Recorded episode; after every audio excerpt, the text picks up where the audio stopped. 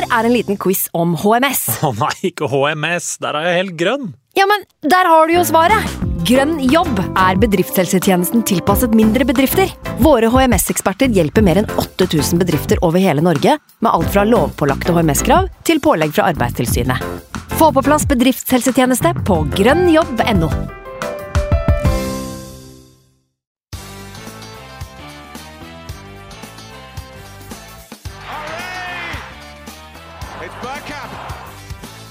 for grabs now! The next station is Arsenal. Hei og velkommen skal du være til en splitter ny episode med Arsenal Station med Magnus Johansen og meg, Simen Goffeng. Anført av hærførerne Ramsdale, Tomiasu og Gabriel gikk Arsenal i krigen på Turf Moor, mens Martin Ødegaards deilige frisparkskåring sørget for at seierstoget ruller videre. Og med det antar jeg at eh, helga di har vært ganske fin, Magnus? Den har vært eh, avslappende, den altså. Men eh, jeg må si det etter å ha sett en episode med Postman Pat her fra 80-tallet. Eh, hvor han kjørte postruta si, og mellom hver levering så hadde han muligheten til både å drikke te og sanke sau og måke snø. og Har så god tid, ikke sant? Du tenker en, en stressende hverdag, sånn som vi lever i dag. Så skal man sitte da i 90 minutter mot Burnley og ha hjertet så forbanna trøkt opp i halsen som det vi hadde da. Så tenkte jeg at det her, det er, eh, det er, det er ikke sånn jeg har lyst til å bruke fritida mi. Altså. Men eh, når, når sluttsignalet gikk, så var det jo eh, en eh, latterlig deilig følelse. Eh, som du sier, det var noen som gikk i krigen for oss der, og som mm. eksemplifiserte litt eh, hva det handler om å spille for Arsenal. og Det var, det var deilig å se. Ja, det er veldig kult å se den uh, innstillinga som noen av de nye karene har kommet med her. Altså. Det, vi kan jo gå i dybden på de hver og en etter hvert, men uh, føler jo at uh, den innstillinga det går ut på der nå, eh, med to kamper på rappen altså Norwich hjemme var ikke den type kamp, men borte mot Burnley så visste vi at vi måtte vinne krigen først og fremst. Og det, det syns jeg på mange måter vi gjorde òg. Så får vel være at ikke finspillet var så veldig tilstedeværende. Det var vel uh, dessverre litt for lite feinschmecker-fotball å, å nyte framover. Og det er vel derav den hjerte i halsen-opplevelsen dukka opp, da. Men eh, du har hatt det fint på hytta, du, har du ikke det? Så du kan vel egentlig ikke klage over helga sånn eh, i det store og hele, da? Nei da, for all del. Det har jo vært ei ei fin helg. Det var dårlig vær, da, så jeg har vært mye inne. Men det å sitte inne og fyre eh, og glane ut på fin utsikt eh, mens man eh, pimper litt eh, kald eh, Hansa, det, Det det funker, det også for meg. Og det, når det gikk som det gikk med kampen, så, så er det jo sånn for oss som er Arsenal-supportere, i hvert fall eh, oss som er eh, lar oss rive med, eh, så er det jo slik at jeg gjerne eh, er med på å definere om helga er bra eller dårlig. Det, dessverre og heldigvis. ja, nei, jeg hadde selv en, en ålreit lørdag, og den blir jo litt eh, avgjørende, den kampen først. da, Om den påfølgende bursdagsfesten uh, utover lørdagskvelden blir veldig hyggelig eller bare helt grei. Så med tre poeng i, i baklomma, så, så nyter man den eh, natta utover eh, etterpå da. Så. Litt Tok en sliten dag, sånn sett. da. en ekstra, et par ekstra jegerbomber og, kanskje, da? Eller? Det ble ikke så mye jegerbomber. Det ble faktisk eh, Prosecco og øl og ja, Nå skal ikke vi sitte og være noe sånn alko framsnakkende podkast, kanskje, men eh, det ble litt av hvert. Men ikke noe jegerbomber. Det gjorde det ikke. Nei. eh, du er vel såpass medtatt at du sitter og drikker vann i dag, så det er sånn sett så er det jo eh, ingen, eh, ingen framsnakking av sånt noe her. Jeg, jeg må jo innrømme at jeg er på pilsen igjen, men det par pils når man koser seg i godt lag, eh, det må man ta, syns jeg, da, av og til. Det er, det, Absolutt. Nei, vi skal jo sitte her og koseprate litt, skal vi ikke det? Altså to seire på rad. Eh, om enn ikke altfor, altfor overbevisende, så, så er det jo en helt annen eh, situasjon enn Det er vel tre uker tilbake, da. Eh, siste kamp før landslagspausen borte mot City. Altså Utrolig hva, hva noen poeng i banken kan eh, ha å si for, eh, for hvordan man føler seg. Så vi skal prøve å holde dette her ganske så lystig i dag, skal vi ikke det? Selv om vi selvfølgelig også må gå litt i, i dybden på prestasjonen. Ja, altså det er jo slik at vi, vi måtte jo nesten vinne de to kampene her. Det er eh, to 1-0-seire mot henholdsvis nummer 20 og nummer 19 på tabellen. Eh, to lag vi skal slå, to lag som er i forferdelig form. Og Arsenal er ganske langt unna å være et uh, ferdig produkt uh, relasjonelt sett. Og mm. det var sinnssykt viktig at vi klarte å roe den der i land. Og da, da, da, går man på en måte inn i kanskje sesongens uh, store uke så langt. da. Med først en ligacupkamp på hjemme uh, mot Wimbledon, og så har vi Tottenham. ikke sant? Så da, mm. da ligger på en måte, det ligger an til Smash, da. Uh, ikke noe jinxing her nå? ikke noe nei, jinxing. Nei, nei, det gjør ikke det. Men det er litt sånn dramaturgien i, i mm. den sesongstarten her. så Det tilsier at det skal, skal gå bra. da. Så, og da, da, da, har vi plutselig en helt OK sesongstart, liksom. Så det, fotball, fotball er så ekstremt ferskvare da, at at vi som uh, poddere må prøve å hva skal jeg si, ja, uh, flytte litt fokus vekk fra resultatet av og til. Og se litt på prestasjonen. det, og det, det, håper jeg vi skal gjøre i dag, for det, det var ikke bare, bare, bra. Det lugga litt, bokstavelig talt. Uh, så jeg tenker at vi vil jo lure oss selv hvis vi ikke snakker litt om hva som skjer i løpet av 90 minuttene, ikke bare sluttresultatet. For det er tross alt det å se etter eh, både tegn og, og utviklingsområder eh, som sannsynligvis vil avgjøre hvor bra dette her blir framover. Eh, nå var vi vel for så vidt på plussida i XG-en også i denne kampen, men eh, tilfeldighetene var jo litt for mye til stede i et par anledninger der. Og ja, det kan vi for så vidt ta når vi går gjennom kampen òg.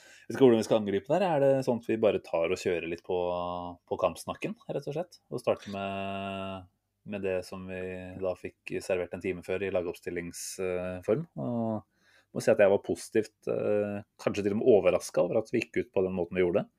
Syns jo når du ser en oppstilling hvor det da ser ut som Smith-Roe og, og Ødegaard er åttere i, i en 4-3-3, med, med, den fronttrioen uh, i tillegg, da, så, så, så jo det ut som en en plan eh, om at Arteta ønska å, å, eie dette her og, og, styre showet. Så ble det ikke nødvendigvis akkurat sånn, men uh, jeg likte oppstillinga, altså. Uh, Arteta som har fått litt fortjent kritikk òg, for den saks skyld. for å være litt for forsiktig. Syns ikke han han var veldig defensiv akkurat her, i hvert fall. Absolutt ikke. Og det var jo kanskje litt overraskende da når man så at, uh, at Ødegaard egentlig lå i den uh, toeren sammen med Partey. Og at det var en Jeg, jeg i hvert fall så på det som en 4-2-3-1-formasjon. Uh, eh, med, med Smith-Roe, Saka og, og, og PP foran. Og så så du med en gang med en gang Smith-Roe gikk av banen og ble erstatta vel av um, Maitland Nei, hvem var det som kom Nei, det var vel Zambi som kom inn der, ja. Zambi, Etter en time cirka. Stemmer, ja. Da, da, da, så du at Ødegaard gikk lenger mm. på banen. så Ødegaard er jo på en måte trumfkortet til Arteta. Han, han, eh, det er han man kan sette inn litt overalt. Eh, og det er han som tar, tar ansvaret og, og lederrollen i, i, den delen av banen. Så, så interessant, syns jeg, å se eh, hvilket ansvar han legger på skuldra til Martin. Ja, det er jo egentlig ikke så overraskende heller, tenker jeg, når uh, vi vet hva slags inntrykk Ødegaard har gjort nå i løpet av et halvt års tid. Da. Så tenker jeg at jeg tror han kommer til å vokse så veldig også, på å få den type ansvar. Få den posisjonen i, i troppen som han nå har, tilsynelatende. Og faktisk er den som tropper opp og, og tar det frisparket òg, da. Jeg regner med at det er eh, ganske talende for, eh, for, hva slags eh, status han har innad i laget nå. Ja, og så så du jo intervjuene etter kamp hvor han eh, vel sier at Partey spurte om han kunne få ta det. Og Martin bare sier nei, jeg skal ta det. Så det, det men det er jo kult. Nei, det, det så jeg. Det, ja. det, viser jo litt at han, han, har jo han har en posisjon der. Mm. Eh, jeg vil jo nesten anta at det skulle vært omvendt i, mellom de to. på en måte. At uh, Hvis Thomas Party vil ta det, så tar han det. Men uh, det viser jo at Ødegaard virkelig er, har en personlighet som vi kanskje ikke alltid ser, men som, som åpenbart er der. Mm. I tillegg så må vi jo ta en liten prat om eh, keeperplassen. Det var vel eh, for så vidt ikke så overraskende at Ramsdale fikk uh, fornya tillit. For det, det, var vel vi ganske trygge på at etter den prestasjonen mot Norwich og uh, bare det at han faktisk spilte mot Norwich, tenkte vi var som et ledd i å, å si, klargjøre han for det som venta nå på lørdag. da. Uh, tenker jo at etter den prestasjonen han legger ned, så, så er jo veien tilbake enda lenger for Leno å være helt sjef i feltet som han eh, er, og i tillegg ta den Jeg syns han også tar på seg en lederrolle da, i måten han opptrer på bak der. og og måten den energien hans uh, smitter over på resten av forsvarsspillet. Mm. Det er Du snakka vel kanskje litt om det i forrige pod. Altså, altså, forsvarsspillere og keepere som elsker forsvarsspill. Altså den Kilini-typen din, da, eller Bonucci-typen, som jubler for en takling. Sånn. Du får det med Ramsdale, og jeg føler at det, det så du på en måte gir gjenklang da, i resten av backfireren der. Så må jeg si at den, eh, den, typen vi har fått der, den uh, har jeg blitt veldig svak for veldig fort nå, altså. Ja, uh, det er vel kanskje litt det som gjør at han uh, har fått dens posisjonen allerede. Da. Jeg, jeg tenker at da tenker jeg blant fansen også. Mm. Vi har jo ikke sett Ramsdale bli satt på altfor mange store prøver enda. vi har spilt mot to lag som vi skal slå, selv om Burnley stilte noen spørsmål i, i, i feltet. Ja, jeg tenker det, liksom... det er en stor prøve, da. Altså borte mot Burnley i, i feltarbeid. Det er altså ikke noe vondt om Leno, men jeg mistenker jo at han ville framstått uh, noe mer utrygg på en del av de innleggssituasjonene der. Ja da, for all del. Jeg skal ikke, jeg skal ikke snakke ned uh, Ramsdale sine prestasjoner mot Burnley. Det, det, er en test, det. Altså, han viser jo i tillegg at han har fotarbeid. Han har vel flere mm. touch enn både Saka, Smith-Roe og Aubameyang okay. uh, i den kampen her. Uh, har 38 touch, det er ganske mye for en keeper. og det, jeg, jeg, tror Han bomma vel ikke på noe som helst. Så. Nei, mye lange som også gikk der de skulle. Og et par, i hvert fall ett kjempebra sånn tidlig igangsettingsutspill, hvor han fikk uh, sendt Aubameyang ned på høyrekanten, vel. Så Nei, altså altfor tidlig, selvfølgelig, da. Men når du får den starten der, så, så er det noe å ta med seg videre. Jeg tror, jeg, tror, som sagt veien tilbake nå for Leno den er eh, relativt lang, altså med unntak av en skade, selvfølgelig. Da. Vi fikk jo et spørsmål fra Famaro Sonko på, på Twitter i, i, går etter match. og Han spør jo jeg kanskje vi skal ta Leno-diskusjonen. Mm. Eh, da Martinez fikk stå da Leno skada seg mot Brighton, så ble det en slags ro i det defensive spillet til Arsenal, og man så det på resultatene. De solgte Martinez, og roen forsvant Mm. med Leno tilbake. Eh, og så fortsetter han eh, med at Rams, med Ramsdale inn, så føler han at den tryggheten er litt tilbake. da. Og eh, igjen litt tidlig. Men jeg føler helt åpenbart at Leno mangler en, både personlighet og aura mm. i forhold til Martinez spesielt, men òg kanskje Ramsdale, kan det virke sånn. da. Altså at man, at man har en, en, bak der som virkelig dirigerer troppene, som utoser en autoritet og en trygghet mm. og, en, og en offervilje. Mm. Eh, mens Leno er fantastisk på strek. Eh, en av de beste keepere i Premier League på strek. Eh, helt OK i feltet og for all del, men det er liksom ikke noe Det er ikke noe punch. Det er ikke noe, det er ikke noe aura der, da. Uh, det er kanskje slutt å si at det ikke er noe, men, men, det er klart jeg tenker at litt i tråd med at han har hatt noen tunge måneder òg, så syns jeg hele han på en måte framstår som litt ferdig. Og litt uh, virker som han er innforstått med at uh, dette Arsenal-kapitlet ikke har gått helt som han skulle ønske. Så han har jo ikke vært i Champions League ennå, selvfølgelig, med klubben. Jeg regner med at han har sett for seg noe annet. Og jeg tenker at når han tidligvis også har hatt en tøff periode nå, da, så antar han jo sannsynligvis også at uh, posisjonen er, er litt trua, da. Uten at den tross alt egentlig var det, da, siden ikke man hadde noen gode alternativer. Mm. Men med Ramsdale inn og med disse prestasjonene her, og den kjemien han tross alt nå har på veldig kort tid opparbeida seg med mange Du får inntrykk av at dette er én uh, også spillerne rundt han uh, ønsker å, å, blø tilbake for. da. Så mm. nei, jeg syns uh, Ja, jeg trodde egentlig kanskje vi hadde tatt litt av den Leon-diskusjonen tidligere også. Det har vi. Ja. Jeg syns jo at dette med trygghet og den følelsen Eh, den man kanskje ikke alltid kan helt peke på hvorfor man har, men den er der. Eh, det er ikke noe tvil om at det er en stor forskjell der. Og jeg husker jo, det også jeg refererte tidligere vel, at eh, en Aston Villa-supporter som jeg kjenner, var jo veldig tydelig på at med en gang Martinez kom inn, så, så kjente han og hele, hele supporterskaren at, at forsvarsstabiliteten til Villa gikk opp mange hakk med den tryggheten bak. og mm. Ja, det er tidlig, men jeg får litt av den samme feelinga med Ramsdale. Så bare godord å si. Og jeg må jo bare si også at den straffesituasjonen, eh, som jo selvfølgelig aldri skulle være straffe, men jeg satt der likevel og tenkte når eh, Det er var det Anthony Taylor som eh, jogger bort til VAR-skjermen og Mm. skal gjøres opp en eh, second opinion. Da. At eh, det er så typisk hvis den her faller ned på, på gal side for vår del. da. Mm. Tenkte at eh, litt i sånn altså, Vi har snakka om det mange ganger, og det er sikkert mange som vil tenke at ja, det er bare tullete å, å si det. men at Arsenal ofte får de der eh, merkelige avgjørelsene imot oftere enn andre. Da. Og, og jeg tror i hvert fall en liten promille forskjell kan ha å si hva slags reaksjon eh, Ramsdale serverer, kontra det jeg tror Leno ville ha reagert med. Da. Altså Ramsdale er på med en gang, løper bort til dommeren for å bare være helt tydelig på at jeg er på ball, det er ikke noe tvil, du må se at dette her er feil. Hvis jeg sitter med følelsen av at Leno kanskje ville litt mer sånn eh, oppgitt, sett opp i lufta og bare rista litt på hodet. Og ikke vært tydelig nok igjen da, på at dette her ikke er eh, riktig, rett og slett. Litt Nei. lettere å dømme imot en sånn type reaksjon enn Ramsdale sin reaksjon. Da. Det er et veldig viktig poeng. Eh, det tror jeg har veldig, veldig mye å si. Eh, jeg så United mot Westham i dag. Eh, jeg må jo si at Cristiano Ronaldo eh, kan si mye om han, men i dag så ble han snudd for to straffer. i hvert fall. Nei, det er det verste jeg har hørt, faktisk. Nei. Hæ? Den ene var, må være straffespark. Altså Kanskje den hvor han toucher på kneet, men han er jo på vei ned også der. Men den andre Det er greit, det. det, er greit, det men det, det, det får du langt straffe. Nei. Ok, ok, samme, samme det, da. Poenget mitt er jo ikke det. da. Poenget mitt er jo ikke om det var straffe eller ikke. Poenget mitt er reaksjonen til Cristiano Ronaldo gjør at dommeren må sjekke det.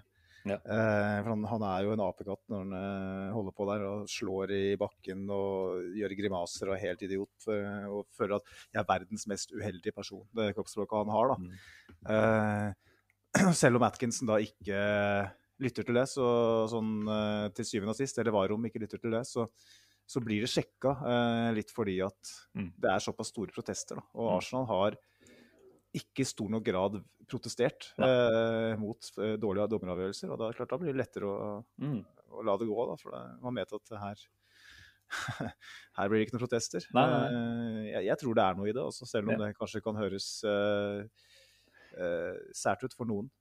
Nei, men altså, altså Jeg sa noen promille forskjeller. altså Mulig at det er mer enn det også. og Jeg har egentlig etterlyst det litt fra Arteta i større grad òg. Og kanskje være enda tydeligere på pressekonferanser i forkant av kamper. Uten at man selvfølgelig skal på en måte inn, inn og bli eh, mistenkt for å påvirke dommeren. Så, så i hvert fall eh, snakke litt om det man opplever som eh, nesten to forskjellige regelbøker da, eh, når det kommer til Arsenal og motstanderen.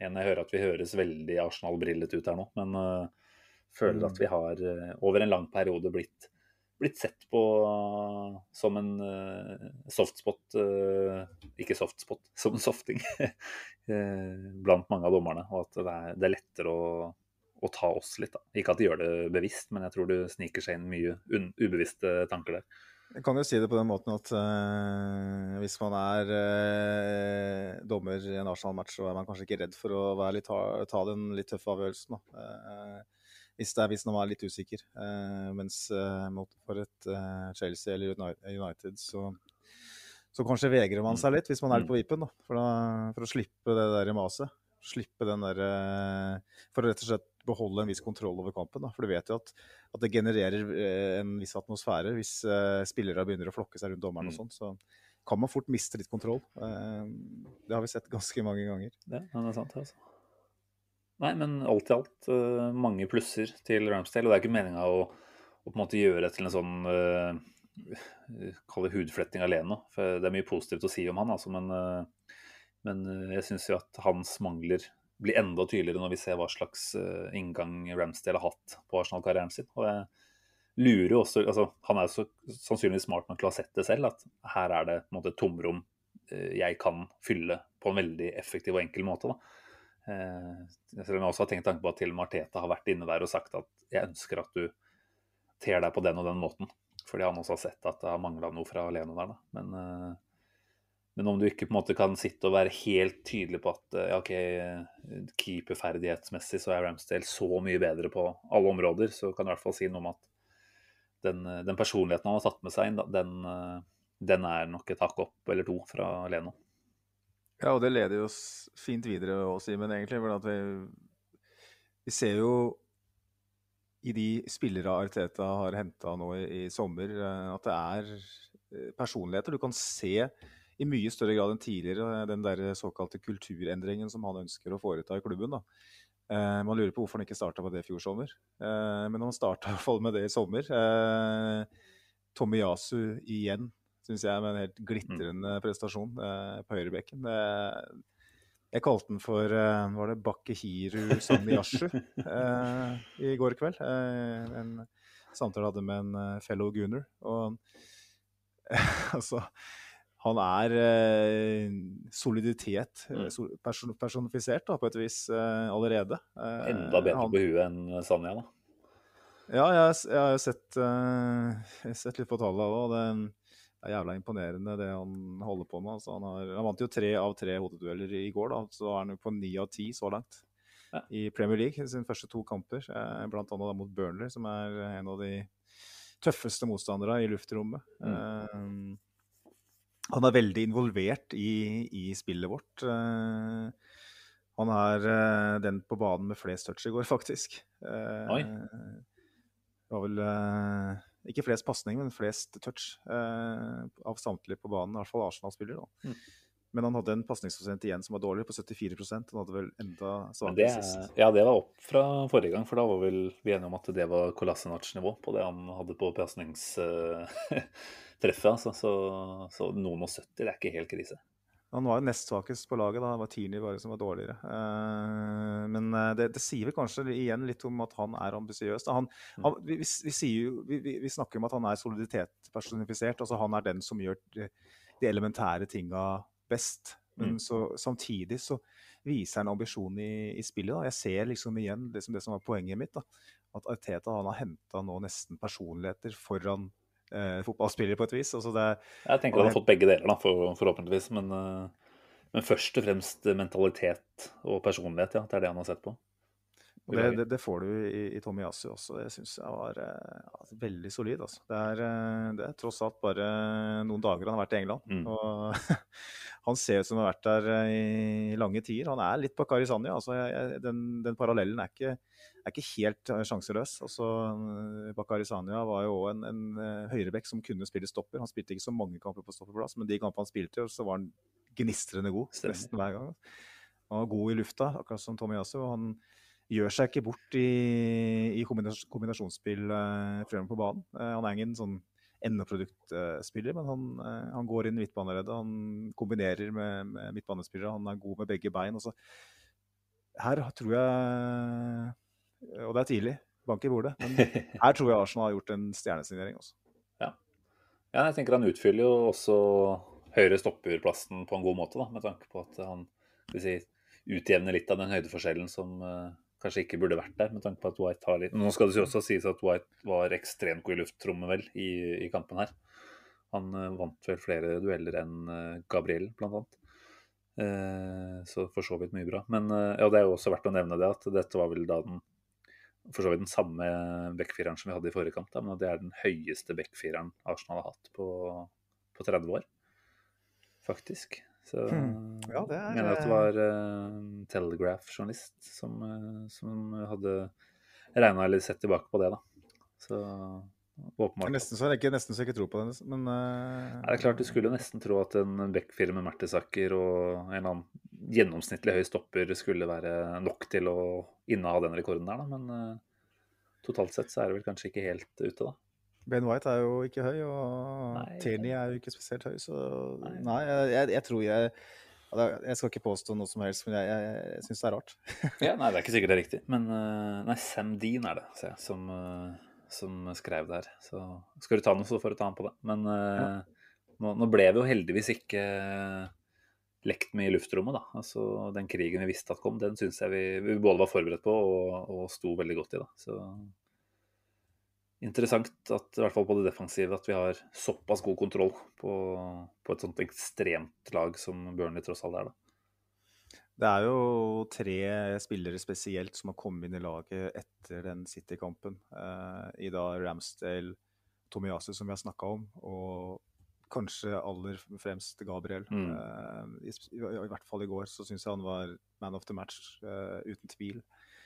Han vinner eh, fem, fem luftdueller, som er flest. Samme, Ben White hadde det samme, da. Det var, ifølge Husgård i hvert fall. ja. Han hadde tre vellykka taklinger, som er flest. Han hadde ti klareringer, som er klart flest for banen. Det er Ben White nummer to med seks. Så han, er, han, på en måte, han vinner uh, Hadde en jævlig god blokkering òg, husker jeg. Uh, hvor det sto Det var vel en ball som gikk over Ben White, og som uh, nesten var alene med keeper på for Burnley-spissen. Så kom Gabriel inn der. Så jo han og, og Ben White ser ut til å funke ålreit sammen, de, altså. Ja, det er jo igjen det der med å finne to stoppere som har ulike kvaliteter, da, som kan utfylle hverandre. og det ser, lov, det ser, jo lovende ut, selv om det selvfølgelig er tidlig. Men Gabriel er den som eh, gir meg mest eh, fyr i buken også. Eh, mm. Her eh, Han hadde jo en sinnssykt bra start på fjorårssesongen òg, og så fikk han covid, og så kom han egentlig mm. aldri helt tilbake. Eh, men nå virker han å være litt der igjen. Og så, ja. så, Jeg vet ikke om du så når han og, og, og Ramsdale eh, eh hadde en jeg vet, om, jeg husker ikke om, det var i forbindelse med en redning eller en klarering, hva det var. hvor de jubla sammen. Og det var liksom ikke, det var ikke smil, det var det der vrengte mm. trynet. Mm. Eh, sånn som jeg ofte gjør, og mange andre supportere gjør når man er glad. Man viser ikke Man smiler ikke, men skjærer en grimase som eh, sier noe som følelsen. Og det er sånn Fuck yeah! Yes!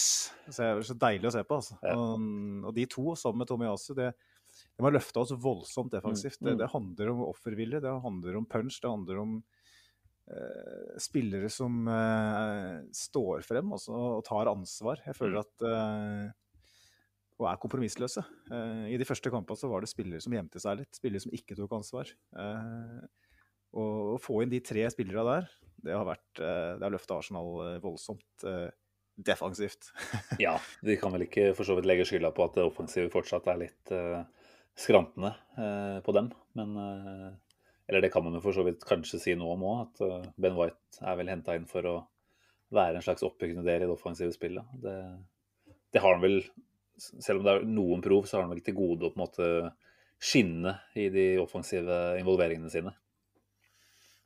Ja. Um, Men det er, fremst, ja, det er ikke dems ansvar, først og fremst.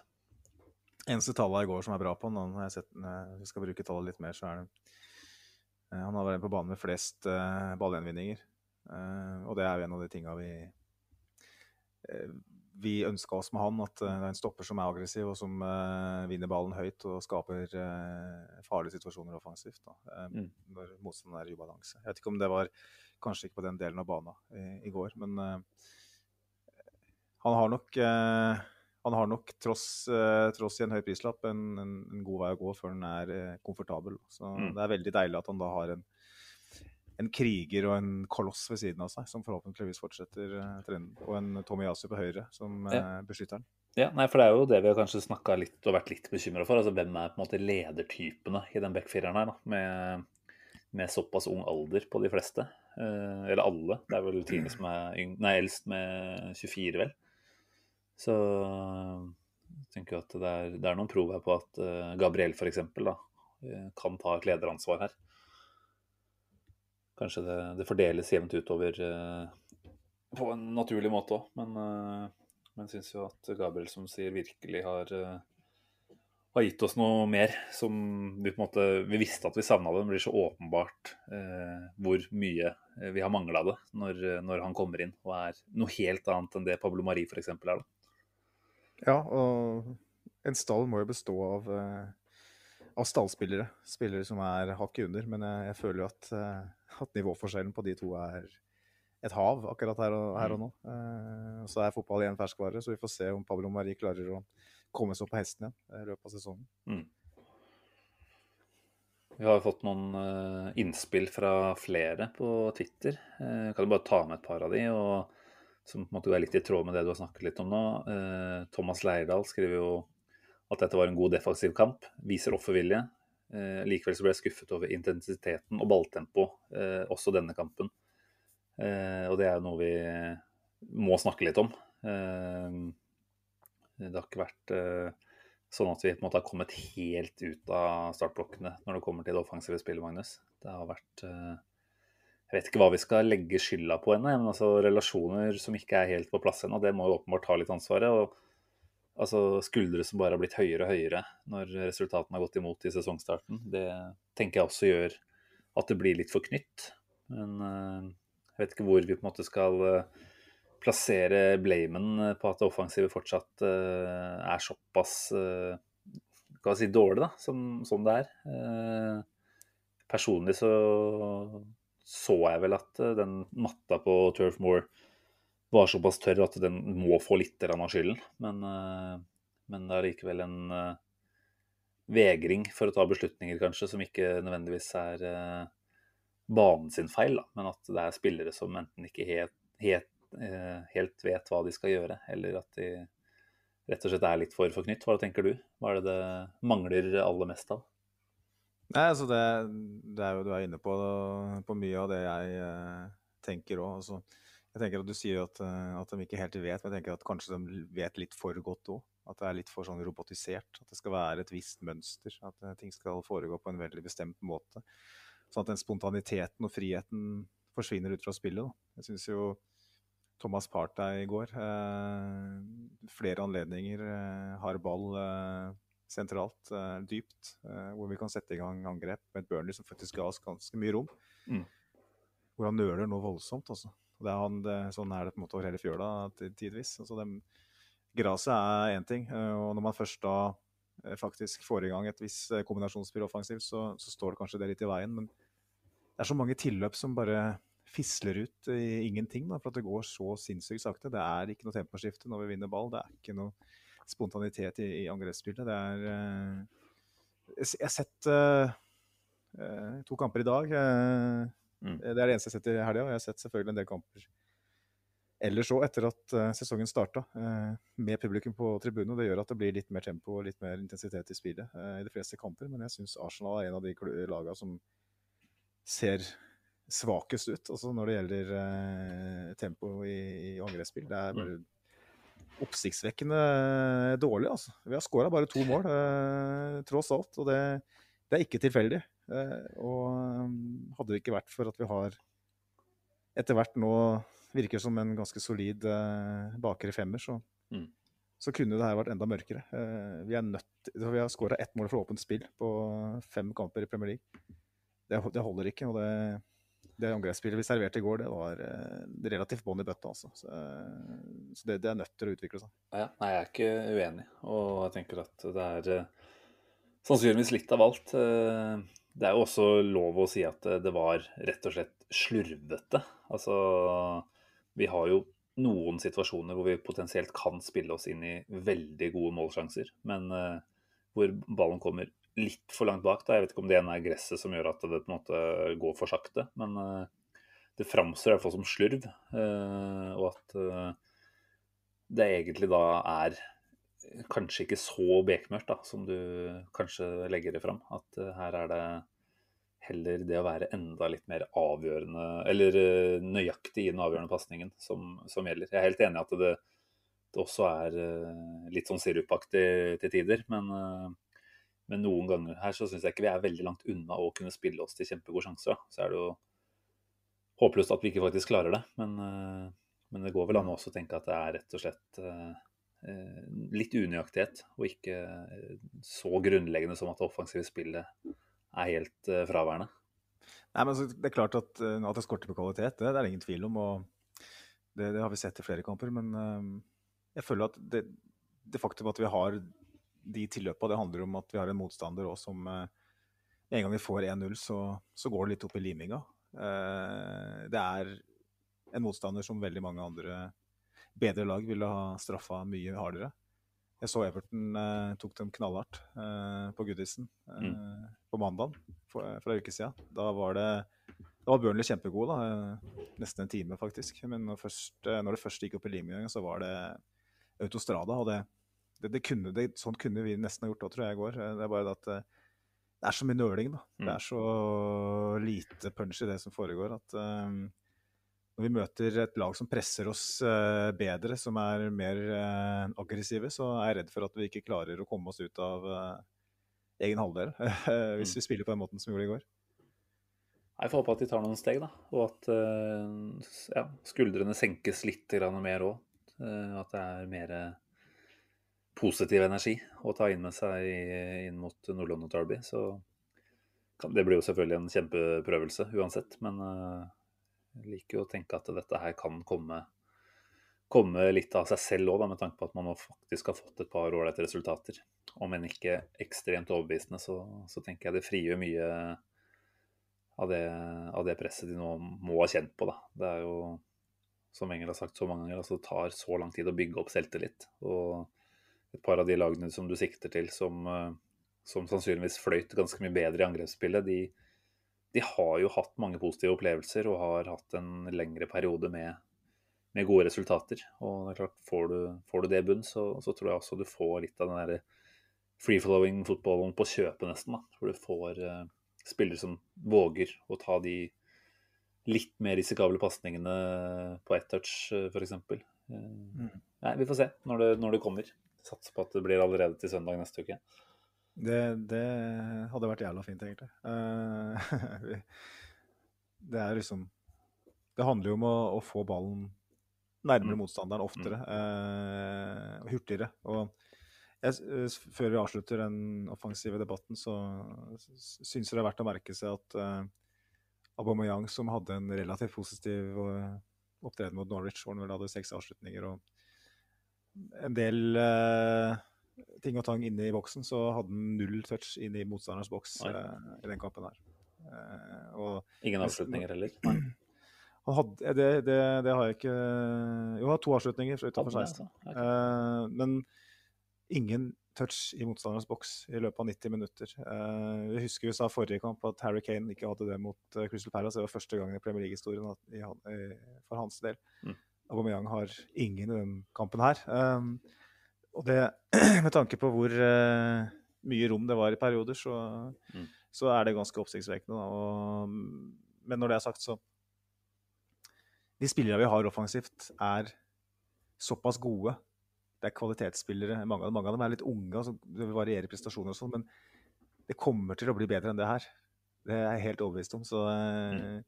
Man må bare prøve å smøre seg inn i den tålmodighetskreven. Selv om det begynner å bli mange lag, så, så tåler vi et par lag til hvis det, hvis det løsner. Ja, og så tenker jeg at altså, Hadde vi vært et lag som hadde hatt en OK form og et ofte greit angrepsspill, så hadde vi jo tenkt at OK, den kampen her borte mot Burnley, den handler ikke nødvendigvis om så veldig mye av det finspillet, da. Eh, det handler om å krige seg til en seier.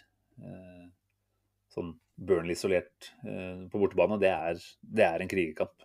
Så det er kanskje ikke nødvendigvis heller den kampen man skal forvente altfor mye lekker fotball framover. Nei, jeg vet ikke. Um, Nei, jeg... Ikke, ikke, ikke um ikke med den Arsenal-utgaven her. Vi er veldig klare på det foran Norwich-kampen, at vi kan ikke forvente at vi plutselig skal skru på skjermen der over natta. Uh, vi trenger sannsynligvis til å snuble, snuble oss gjennom en mm. Periode her mens det bygges eh, både relasjoner og offervilje og alt som er. Eh, så etter hvert så, så, vil det flyte, men det er avhengig av at vi klarer å få med oss resultater underveis. Det har jo Arteta sagt òg, at vi er igjen, på en måte, igjen i en sånn gjenoppbyggingsfase. og vi kommer til å trenge tid, men vi trenger òg resultater underveis for å få den arbeidsroen. Eh, for at får vi ikke resultater, så, så får vi ikke bygge. Nei, så enkelt er det. Nei og, nei, og han får jo virkelig ikke tid hvis ikke han får resultater, så han må jo først og fremst bare være ekstremt happy med at vi dro i land dette her.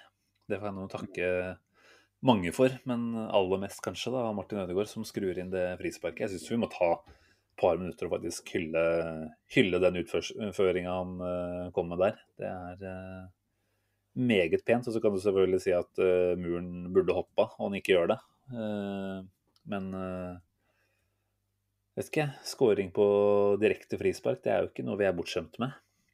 Vi har vel hatt Ja, det er vel Sjaka som muligens var den siste som skårte på det, bort, nei, mot Chelsea i fjor hvis jeg ikke nå glemmer nå, Men, uh, mm. men, at han kommer inn, og vi snakka litt om det uh, før kanskje, at uh, han kommer inn og tar den ja, lederrollen og, og, krever å få tatt det frisparket også. Det, det, sier jo litt om at den gutten har noen knepp opp på selvtilliten allerede, tenker jeg. Og går inn til kamp med en tanke om at han har ansvar på sine skuldre. Det syns jeg er lovende. Jeg synes jo han uten at jeg sitter på noe tall, så syns jeg at han tar en del av det offensive ansvaret ganske ålreit òg. At han fordeler og strør ganske godt på pasninger. Og finner ofte medspiller i mellomrom. og spiller ålreite pasninger gjennom og forbi ledd. Så syns jeg han gjør en solid prestasjon. Og når du liksom topper det på den måten som han gjør, da, med, med matchvinnerscoring fra 25 eller hva det var, så kan vi vel som nordmenn nesten ikke glise bredere. Nei, vi kan ikke tre den nisselua noe lenger nedover. eh, som du sier, eh, etter å ha sett eh, David Louis sine forsøk eh, ende i bane rundt jorda eh, nå i et par år, så var det nydelig å se at det gikk inn. Og Martin, han Han er i hvert fall en av de som jeg snakka litt om, som har kommet inn som personligheter. Og jeg så på jeg så på heatmappen hans etter kampen. Han er jo overalt. Han er, han er, veldig mye ute til høyre, mye sentralt, mye til venstre, mm. mye dypt, mye foran. Altså, han, er, han, er den, han er på en måte livet. Det sa jo, gjorde ikke Arteta? Sa vel ikke Arteta at han er limet? Det er litt av, en, litt av et skussmål å få. Mm. Uh, Ødegaard er Jeg er ganske sikker på at Ødegaard er favorittspilleren til Arteta uh, i det laget her. Uh, og um, som du sa innledningsvis i, i poden Martin kan, eh, kan, vokse på det her. Mm. Eh, det er det her da han har venta på, å få en sånn rolle i en, en, relativt stor klubb, som vi må si at vi er. Og jeg syns han gjør en god prestasjon i går også. Eh, vi kan ikke ta han for at han ikke er eh, skarp nok eh, foran boks for at han spilte mye dypere i går. Han, han, gjør jobben sin, rett og slett. Altså. Yeah. Og, og, og, så legger han på en måte få lite, et lite eple på lærerens pult når han setter den i, i krysset. Gjør en liten, liten ekstraoppgave eh, for å få Artetas gunst der. Og mm. Det vinner kampen eh, for oss sammen med det forsvarsspillet. Så måtte det fortsette. Ja, han skåret mot Tottenham i fjor, han. Så liten repetisjon der på søndag, så, så blir dette fint. Eh, en som kanskje ikke har fått like mye positiv omtale de siste timene etter kamp, det er Bukayo Saka. Vi har også fått et par eh, lytterreaksjoner på han. Eh, Andreas fra Arctic Gunnerpod uh, skriver for så vidt 'unpopular opinion'. Saka har vært mye svakere enn PP i sesongstarten. så var det vel Nei, det var kanskje ikke flere som snakka om Saka, men Uh, Hva er det som svarte på det? ja, Hedley, som heter Hedley BN, han uh, skriver også at han syns Saka var forferdelig svak i går. Og god på målet, men ellers svake involveringer. Og må jo for så vidt gi de rett i at Saka nå etter EM ikke har vært helt oppe og nikka ennå. Har ikke hatt en god kamp, han har hatt ålreite øyeblikk underveis. Men, men, vi må vel, vet ikke, gi en litt mer tid enn en, Nå er det vel tre og en halv kamp han har spilt, eller noe sånt, cirka. Eh, totalt mm. sett. Så uten preseason og, og, med mye mental bagasje, må man vel kunne si, da, fra, fra det som skjedde i sommerens EM-sluttspill, så tenker jeg at han jeg, jeg, tror fort at bare han får en ene goalen, da, så, så er han uh, oppe og nikker igjen på, på alle områder, egentlig. Og han har vel også spilt nesten utelukkende ute til venstre, og han er jo best ute til høyre. Det er det vel ikke noe tvil om. Nei, eh, det er jo mange som, som mener at eh, Saka bør på, spille på høyre og Smith-Roe ute til venstre. Mm. Eh, litt sånn som vi så i kanskje den beste perioden vi hadde i, i fjor. Da var det vel sånn at PP eh, faktisk spilte ute til venstre de gangene han spilte. Uh, men at Saka på en måte var eh, gjennomgangsmelodien på høyresida når Arsenal var på sitt beste.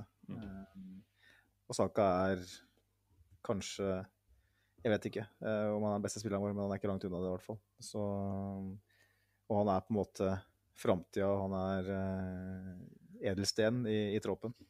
og han må, han må spille der han er best, mm. tenker jeg. Og mm, selv om han er anvendelig og alt sånt, så, så håper jeg ikke at det går i den fella at vi driver og dytter rundt på noe, sånn at man ikke finner, finner en rolle, rolle, i laget. Men det, det, er klart, gi det gjerne pause hvis en trenger det, tenker jeg. For nå har vi både Smith-Roe, PP og Ødegaard uh, skadefri og klare.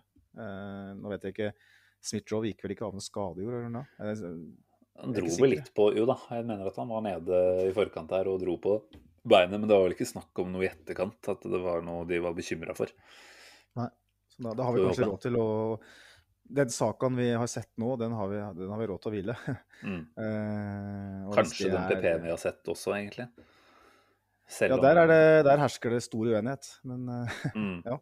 Ja, nei, Vi var jo for så vidt litt uenige i forrige kamp. Altså, De rene tallene hans i forhold til sjanseskaping de var jo ganske gode da. Men jeg syns jo nå i går igjen, da, på lørdag, så var han ikke kjempeålreit. Eh, eh, ja. Han er vel en av de som må ta på seg at det var litt slurvete, da. Og som, som gjerne kunne ha vært med å avgjøre og punktere den kampen her. Med litt mer eh, presisjon på, på tampen der. Så Mm. jeg var ikke kjempeimponert, og jeg må si at jeg ble nesten provosert når han ikke tok det ene defensive løpet på overtid. Eh, pekte på Tomiasu som var oppe i press, og fulgte ikke ned på Burnley sin venstre side. Da. Så jeg skjønner at han var sliten, men eh, akkurat da satt jeg og var ganske pissesur. Så ja, Men vi har, vi har litt dybde der nå, da. Så jeg tenker at uh, jeg tror mot Tottenham så kommer ikke den uh, lagoppstillinga til å se lik ut. Jeg tipper Lokonga er inne for, uh, for en av PP eller Saka, sannsynligvis. da. Om ikke det er noen skader på Smith-Rover eller noe sånt. Sjaka er jo tilbake. Da. Sjaka er tilbake òg, sant det. Han starter nok. Jeg må innrømme at jeg tenkte i går eh, at eh, vi skulle gjerne sett Sjaka der ute. eh, for å gi oss en litt større kontroll eh, sentralt i manen. Eh, Mot alle andre lag enn Burnley, så er jeg enig. Men akkurat mot Burnley så vet vi at det går til helvete hver gang. Det kan du si. det kan du si. Men argumentet mot Sjaka, eh, hovedargumentet mot Sjaka, med unntak av det disiplinære, det, det handler jo om at det går for sakte Mm. med han. Men når du ser på uh, hvor sakte det ikke går uten Sjaka, så tenker jeg at det, at det argumentet på sett og vis uh, ikke funker. Jeg tror jo at det er noe i det, i hvert fall på sikt. Men jeg tror vi trenger Sjaka inne sentralt her akkurat nå. Altså. Du tror han er tilbake mot Tottenham også? Det har gått Ja. en måned da, uten å spille kamp. Ja, jeg tror han er inne, da. Ja. Uh, han spilte vel så vidt i landslagspausen, gjorde han ikke det? da? Nei, fikk han Eh, ikke eh, covid med en gang der, da? Gjorde han det? Jeg tror det, så jeg tror ikke han var inne og spilte noe, faktisk. Ok, da, da kommer han på formen hans, selvfølgelig. da. Men uh, jeg vil ikke overraske om han går rett inn mot Tottenham. Eh, jeg føler at vi trenger eh, Med tanke på Thomas Partey er eh, altså Han virker jo ikke å være helt fit. Han måtte jo gå, gå av i går igjen. Og er det én ting Granit ha, har, så er det jo fysikken. Han er jo aldri skada. Han holder alltid 90 minutter. Med mindre enn for rødt kort. Mm. Og Nei, jeg tror vi trenger den stabiliteten eh, i midtbaneleddet med, med Granit Xhaka. Eh, for å øke den tek, eh, økende hva skal jeg si, graden av kontroll. Mm. Evnen til å, å resirkulere ball, holde på ball, eh, sette trykk. Alt det der. Eh, så tror jeg vi trenger den. Vi henta ikke den sentrale midtbanespilleren i sommer som vi ønska oss, og da, da må vi rett og slett legge litt på skuldra til, til Xhaka. Altså. Ja. Og er det noe du skal si om han, så er det at han har kommet veldig godt tilbake da, etter røde kort. Han har liksom vært en eh, fyr som han har vært ute etter å diskutere framtida på, så, så kommer han tilbake med virkelig noe å bevise. Da. Og bare håpe at han eh, føler litt på det samme måte denne gangen òg. At eh, for så vidt har ikke spørsmålstegnene vært så mange rundt, eh, rundt han nå, men, eh, men Lokonga har jo absolutt gjort en OK figur når han har vært på. så er sikkert mange som tenker at det ikke er helt åpenbart at det er Sjaka som skal inn der. Da. Og at han, hvis han blir valgt, da går ut og tenker at OK, nå skal jeg bevise for alle, og for Arteta særlig, da, at det er ikke noe tvil om hvem som skal ha denne midtbaneposisjonen der. Altså, altså, det er jo vel og bra at Lokonga er bra. Um, at han ser positiv ut, men eh, jeg syns vi begynner å få ganske mange unge spillere inn i den elveren. Eh, skal, vi, skal vi ikke bruke litt av den erfaringa og rutinen vi har i stallen, for å, sånn at ikke det blir for urutinert og for nytt alt? Eh, jeg tror det er viktig å ikke legge for mye ansvar på, på Lokonga og ikke gå i den fella som, som Arsenal har gjort ganske mange ganger der. Nei da, jeg tenker at det meste av historikk tyder vel på at du kan ikke lene deg på de aller yngste eh, over for lang tid, fordi du får for mye variasjon der, da. Så nei, jeg tenker at eh, det er ikke sikkert du tar helt feil da, når du sier at han faktisk eh, havner rett inn på lagen. Men eh, vet ikke om vi skal ta den Tottenham-praten allerede nå. Vi skal forberede oss litt på den, eller er det andre viktigere poenger angående Burnley-kampen som vi burde ta fatt i først? Uh, nei, det er vel egentlig ikke det. Uh... Det er klart, det var jo, det var jo Håkon Førrisdal som stiller spørsmålet Jeg regner med at han henviser kanskje særlig til denne kampen her, men han spør hva bidrar Aba med, uh, rett og slett. Uh, tenker at nå igjen fikk han ikke den store serveringa. Eh, det kan man jo ikke si. Men eh, store deler av kampen så er han jo usynlig. Eh, ned og hente litt ball, litt ned i dypet. Og som du sa, da, ikke en eneste ballberøring inn i 16-meteren. Det skal vi jo absolutt som sagt ikke bare si at det er hans feil, men en Lacassette i den kampen her, hvordan tror du det hadde sett ut i forhold?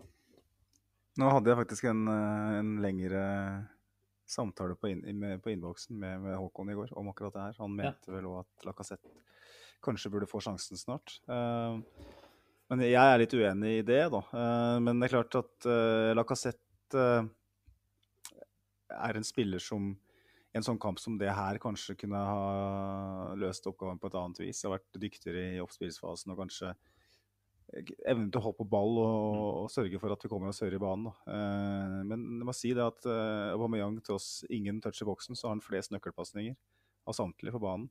Han har høyest pasningsprosent Da tar jeg tilbake litt av det jeg sa. Uh, han gjorde en ganske Men ikke så okay mange pasninger, kanskje? eller?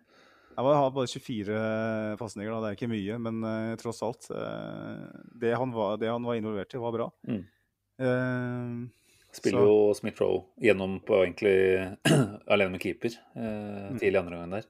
Som du var inne på tidligere, det var vel egentlig det beste angrepet vårt i den kampen.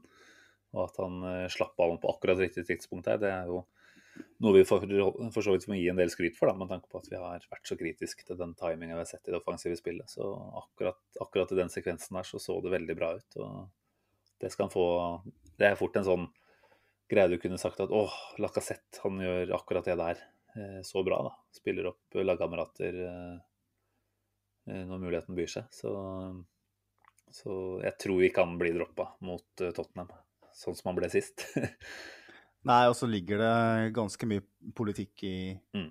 i den debatten der. Altså, hvis uh, Arteta plutselig begynner å sette inn Lacassette foran Auba uh, i flere matcher, så, så, så vraker han kapteinen sin med gigakontrakt, uh, to år igjen, på kontrakta, som på en måte skal være ledestjerne for oss i, i, den omstillingsfasen vi er i. Mens Lacassette han har kun ett år igjen av kontrakta og har åpenbart på vei ut. Mm. Og kan snakke med andre klubber allerede i januar. ikke sant? Mm. Så, ja, vi så jo noen rapporter der om at det ikke har vært noe, sannsynligvis, da, eh, kontakt fra klubben til Lacassette sine representanter om forslag om ny kontrakt, rett og slett. Så det virker som han har gjort seg opp en ganske grei mening om det, da.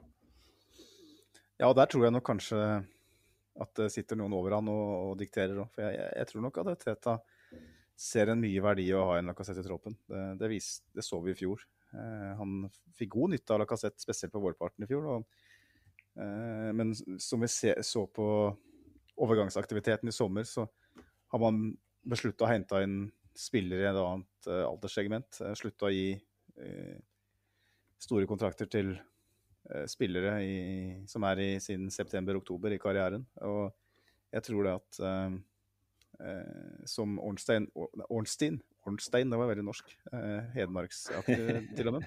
Men Ornstein sa at, at, at Arteta hadde fått beskjed om at han skulle hente spillere i det alderssegmentet. At det var en, en avgjørelse som mm. var over hans hode. Da. Og da tenker jeg at en Lacassette-avgjørelse er i, i samme, samme, båt. Ja. Så da, da, er det logisk at han ikke får den kontrakten. Det, det syns jeg er helt riktig òg. Eh, vi skal ikke gi noen treårskontrakt til Lacassette med to mil i uka nå. Det, det, ville vært nesten idiotisk øyne.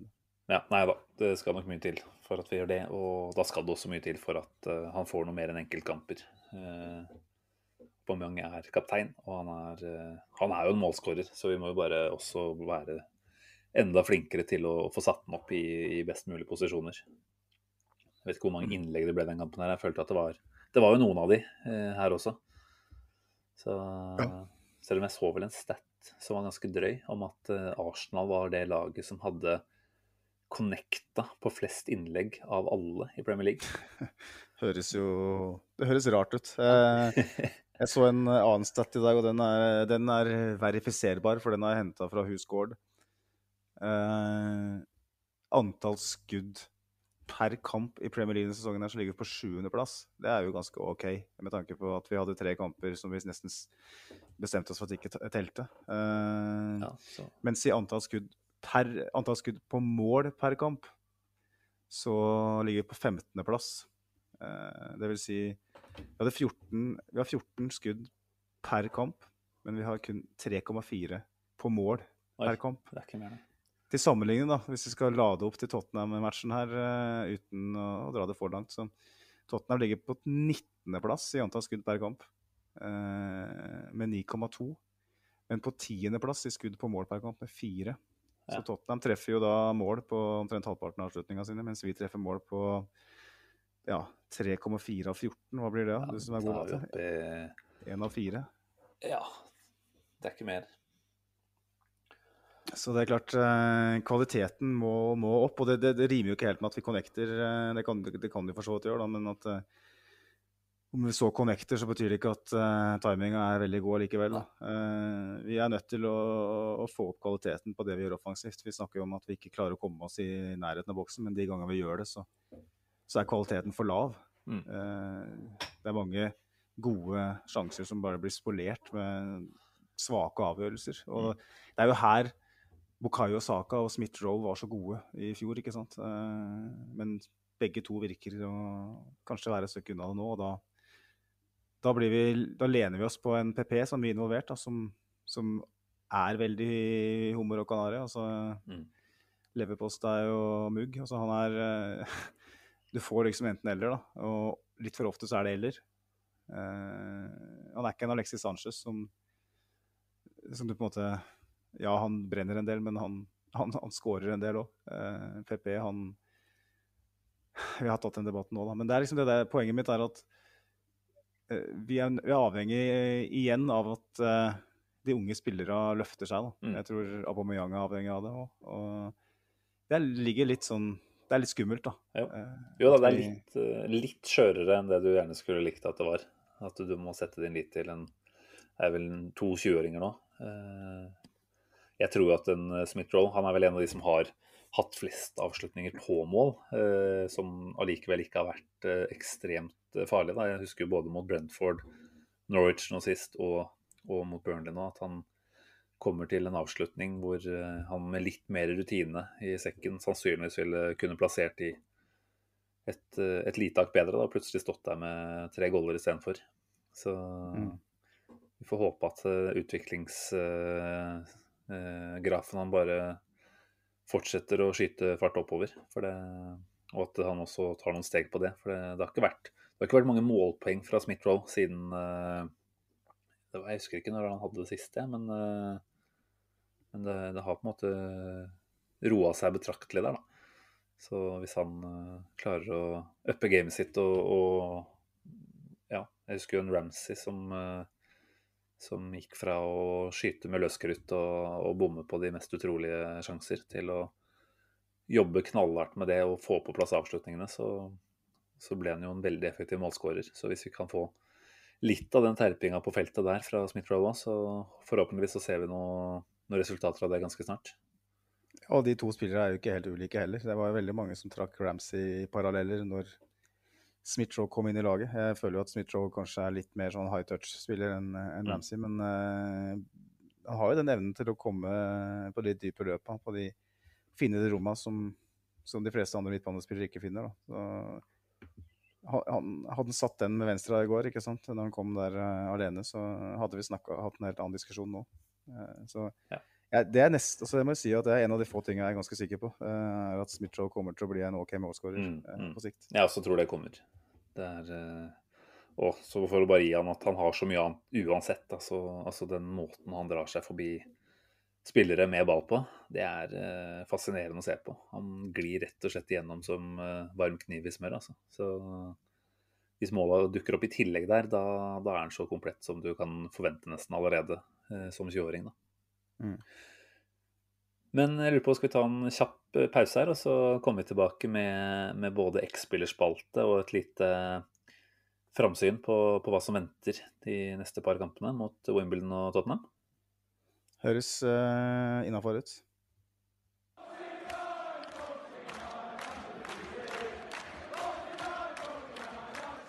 Wall Trafford 24.10.2004. Arsenal ranes på høylys dag og går glipp av muligheten for ligakamp nummer 50 på rad uten tap. I tunnelen etter kamp går det hardt for seg, og et spansk supertalent tar på seg jobben som pizzabud og serverer en feit slice i fjeset på den legendariske manageren. God pizza kan serveres på flere måter. Vi i Arsenal Station foretrekker å få den levert rykende fersk på døra fra Dominos. For hva er vel bedre enn å slå seg ned i sofaen med Arsenal-kamp og en deilig pizza med mengder av fyll og ost? Bestill din favoritt på dominos.no. Velkommen tilbake. Eh, som vi lovet før reklamepausen. Eh, ble nesten sulten nå, Magnus. Fikk lyst på pizza. Eh, uansett, eh, vi har, eh, vi har en ligacupkamp i vente på onsdag eh, hjemme mot Wimbledon sånn deilig tredje runde i ligacupen det er, Magnus. Hvor du liksom ikke går til eh, kamp med noe annet enn positive forventninger, egentlig. Du føler at det flyter bra på, på flere områder i klubben. U23-laget dro i land en 6-1-seier mot, uh, mot, Chelsea tidligere i dag også. Så da sitter jeg liksom med en forventning om at vi kanskje får se et par av de gutta der òg. Vi snakka jo litt om det i forrige pod, at eh, en Charlie Patino kanskje allerede nå kunne få være med, i hvert fall i kamptroppen, men også muligens eh, få et innhopp, da. Eh, mm. Har du noen forventninger til, til, både hva Teta gjør med laget, og hva slags type kamp vi får på onsdag? Nei, jeg bare drømmer meg tilbake til noen skipper fra Carlos Vela, liksom, og den tida der. At vi, at vi, kan, at vi, kan, at vi kan, hvile eh, mange av de beste spillerne våre. Å få inn en sånn type som, uh, som Patino da. Jeg tenker at han er den jeg først og fremst håper på. Uh, Men ikke fra start, kanskje? Eller? Eller allerede? Jeg vet ikke. Uh, det kommer litt an på det er klart Maitland Niles, som nå etter hvert har blitt midtbanespiller, kanskje, i hvert fall sånn her og nå, så kanskje han vil ha en start. Mm. Lokonga vil kanskje ikke starte mot Tottenham hvis Sjaka er tilbake. så Det er naturlig å gi han minutter. Men mm. uh, nei, altså Jeg syns det er vanskelig å, å vite om, om, Patino vurderes som klar til å starte. Uh, men at han kom på banen i løpet av oppgjøret, det, det tror jeg, det håper jeg virkelig. Mm. Uh, han er liksom det skinnende lyset i, på U23-laget nå. Mm. Der hvor det er flere òg. Så jeg, jeg, jeg, håper først og fremst at uh, flere av de spillere som ikke får spille i ligaen, får seg en, eh, en, en kamp da, mm. hvor de får en god opplevelse. Og så er det kult at det er Wimbledon, da, som ikke har spilt mot siden de var oppe i Premier League på Rykka vel rykka de allerede i 99 eller noe sånt. Det stemmer nok, ja. Det er jo en klubb med et historisk hus. så det gleder jeg meg litt til. ellers så har jeg ikke sånn så veldig mye forventninger ut, utover det, egentlig. Nei, Nei jeg håper at vi, at vi, ser en helt ny førsteelver eh, til den kampen her. Det skal vel være mulig òg, skal det ikke det? Altså Bakre ledd så har vi jo masse å skifte på. Midtbanen var du inne på. Så har vi jo Martinelli, eh, Lacassette selvfølgelig. Eh, regner jo med at en eh, Ballogen får en start der. Eh, hvor mange plasser er igjen å dekke da? er vel kanskje ikke så god dekning eh, offensivt plutselig. Som, altså sånn at det er lett, lett, å sette dobbelt opp eh, på alle plasser. Spissplassen er litt komplisert, da, for Nketia er jo der òg. Ja, sant, selvfølgelig. så er det tre spillere som kjemper om én posisjon, da, eh, ja, egentlig. Kjøre 4-4-2, da. Starte med ja. Lacassette og Nketia eller eh, Ballogen. Og så har du Martinelli på en slags eh, venstrekant, og ja, hva er det du dytter på høyre da? Det Ja, men kanskje Maitland Niles der, da. Så Zambi og en eller annen på midten. But they know. Ja, fint, hvorfor ikke? Men, uh, ja, det er vanskelig å si hva han tenker der. Det blir på en måte en, et nytt kapittel, eh, det òg. En, en sånn type kamp uh, i den posisjonen vi er nå, med den stallen vi har nå. Vi hadde jo den mot West Bromwich, selvfølgelig, men da kjørte, jo, kjørte vi et, et sterkt lag bare for å Mm, rett og slett komme i gang, ja. Mm. Eh, mens nå blir det en helt annen, ja, en helt annen greie. Uh, så hvem får spille høyrebekk, og er et spørsmål. Cedric. Jeg vil ha Cedric. Jeg òg vil ha Cedric. Jeg, jeg har lyst til, å si, å kjøre Chambers til flyplassen, egentlig.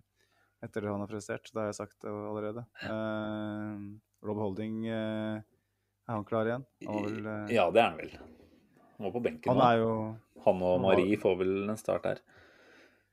Men det skal sies at Wimbledon er vel ja, nesten oppe på playoff da, i League One, så det er ikke noe, det er ikke noe enkelt lag å, å bare skulle legge ut på et rent reservelag og forvente at, eh, at det går eh, som smurt. Det kan absolutt bli en, en tøff kamp, det her, altså. Det er klart, men det kan jo hende at Wimbledon eh, i en sånn posisjon tenker at, eh, at de ikke skal eh, Mm. Legge for mye i det òg. Så jeg er litt spent på hva, det, hva de stiller. Jo, det, er- det et Men, eh, Det jo Men hvor lenge er det siden Wimbledon har vært uh, i en sånn type har vært i en sånn kamp mot et sånn type lag? Det er jeg usikker på. Jeg vet Mm. ikke om de har spilt mot noen andre såkalt topp seks-klubber siste, siste åra. Men det er en anledning for Tenk på de bortesupporterne, da, som for si 10-12 år siden sto på eh, sånne er- sto langs sidelinja. Det var ikke tribuner engang. På, sånne, på nivå 7-8 i den engelske fotballpyramiden. Jeg har jo hørt historier der hvor, hvor Wimbledon-supporterne selv måtte sørge for at det kom noen som solgte øl på bortekamp.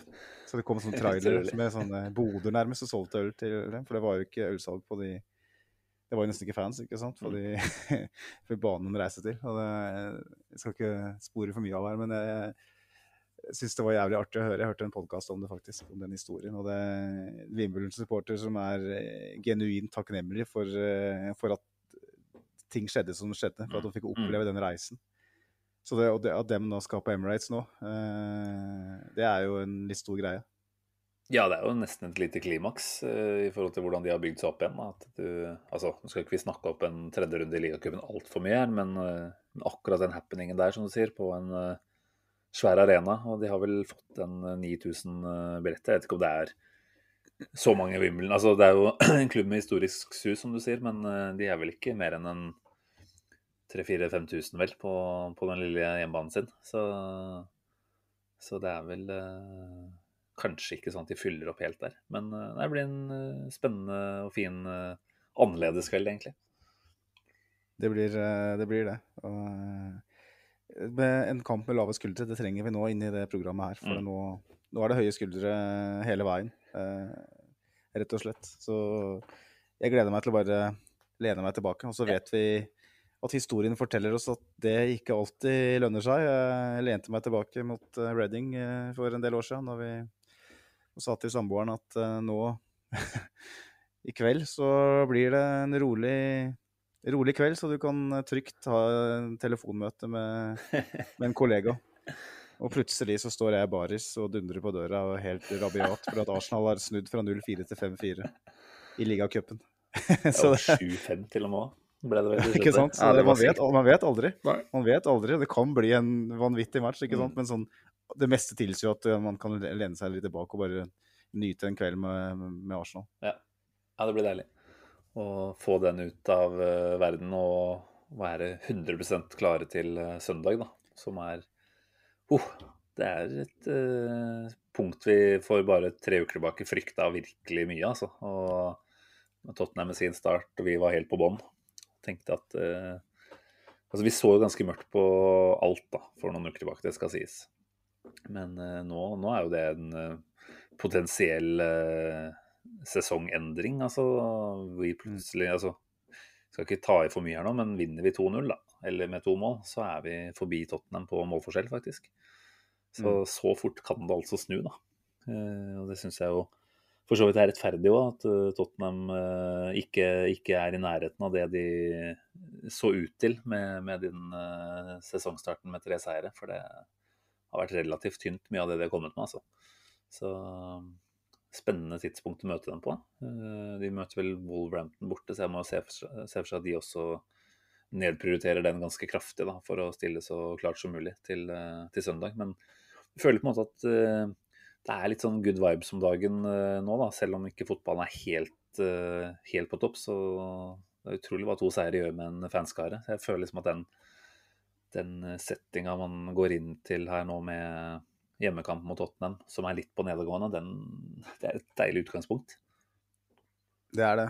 Og det er klart Det narrativet som kan bli skrevet, den dramaturgien som, som, er litt på gang, den er jo ganske heftig, ikke sant. Med, hvis vi plutselig er foran dem nå etter den, starten, som du sa. og jeg, jeg, jeg, håper jo på en måte at at den nærmest uh, uh, tynger litt i Tottenham-supporternes øyne òg, og Tottenham ikke minst. At, at, det er en form for momentum da, i mm. vårt favør som gjør at, at, den historien på en måte blir fortalt. Den som, som, vi ser for oss. men det er klart jeg så Tottenham mot Chelsea i dag. og eller i går blir vel det for de som hører på. Uh, kanskje enda lenger tilbake for noen. Uh, jeg syns jo mye av det som blir sagt og skrevet i etterkant, er litt uh, overdramatisert.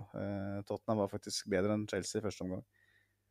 og så setter Chelsea inn Kanté, og så, så snur matchen. og det 2-0-målet var griseflaks, mm. det Kanté-målet. Så jeg føler ikke at, at at det Tottenham som vi så mot Palace, som var helt krise, noe av det dårligste jeg har sett av noe lag i Premier League-sesongen der, inkludert Arsenal.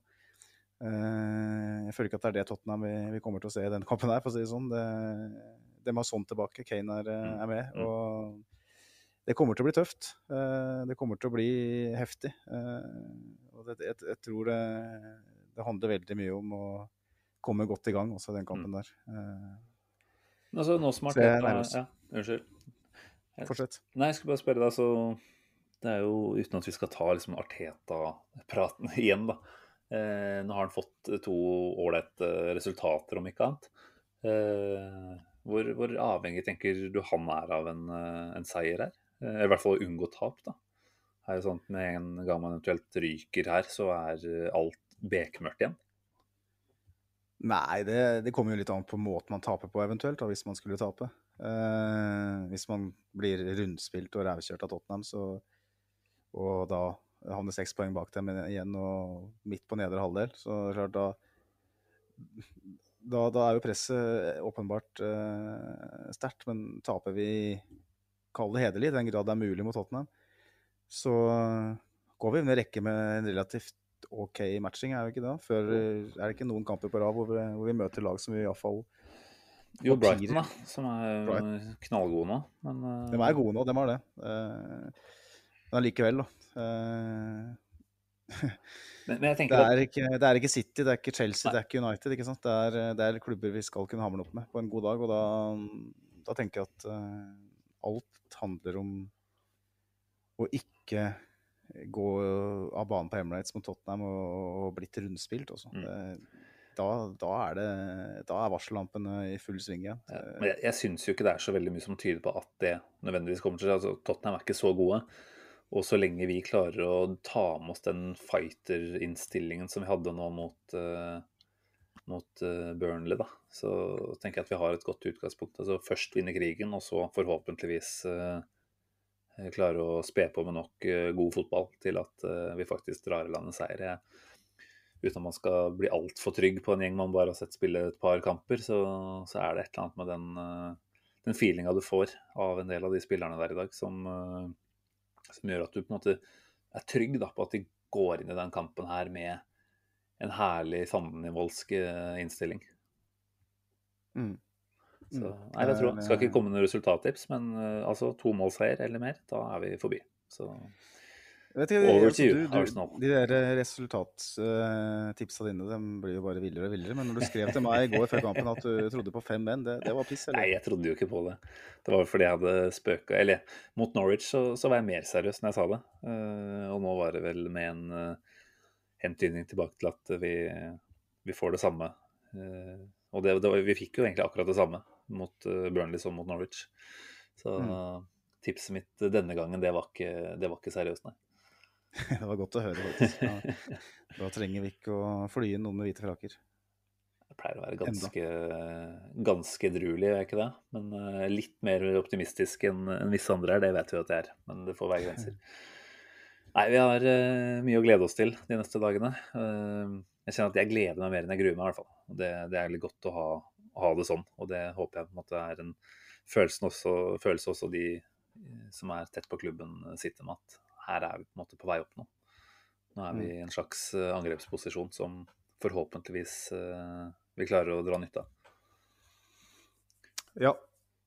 Jepp. Men uh, det er vel én ting til på planen, da, før vi runder av for dagen.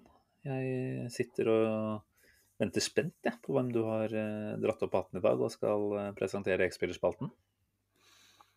Ja, det har Blir det enda en blitt skrevet denne, denne gangen òg, så vi får se hva det, hva det, er, rett og slett. Ja, Det er ikke enda en Herbert Chapman-legende allerede. Det de har vært flinke på. Så nå er det vel noen andre litt mer moderne varianter vi har i vente, tror jeg.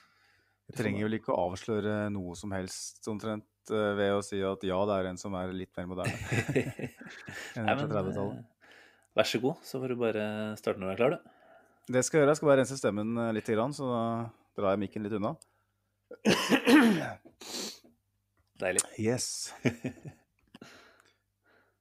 Chambers Mustafi, Kolasinac, Gabriel.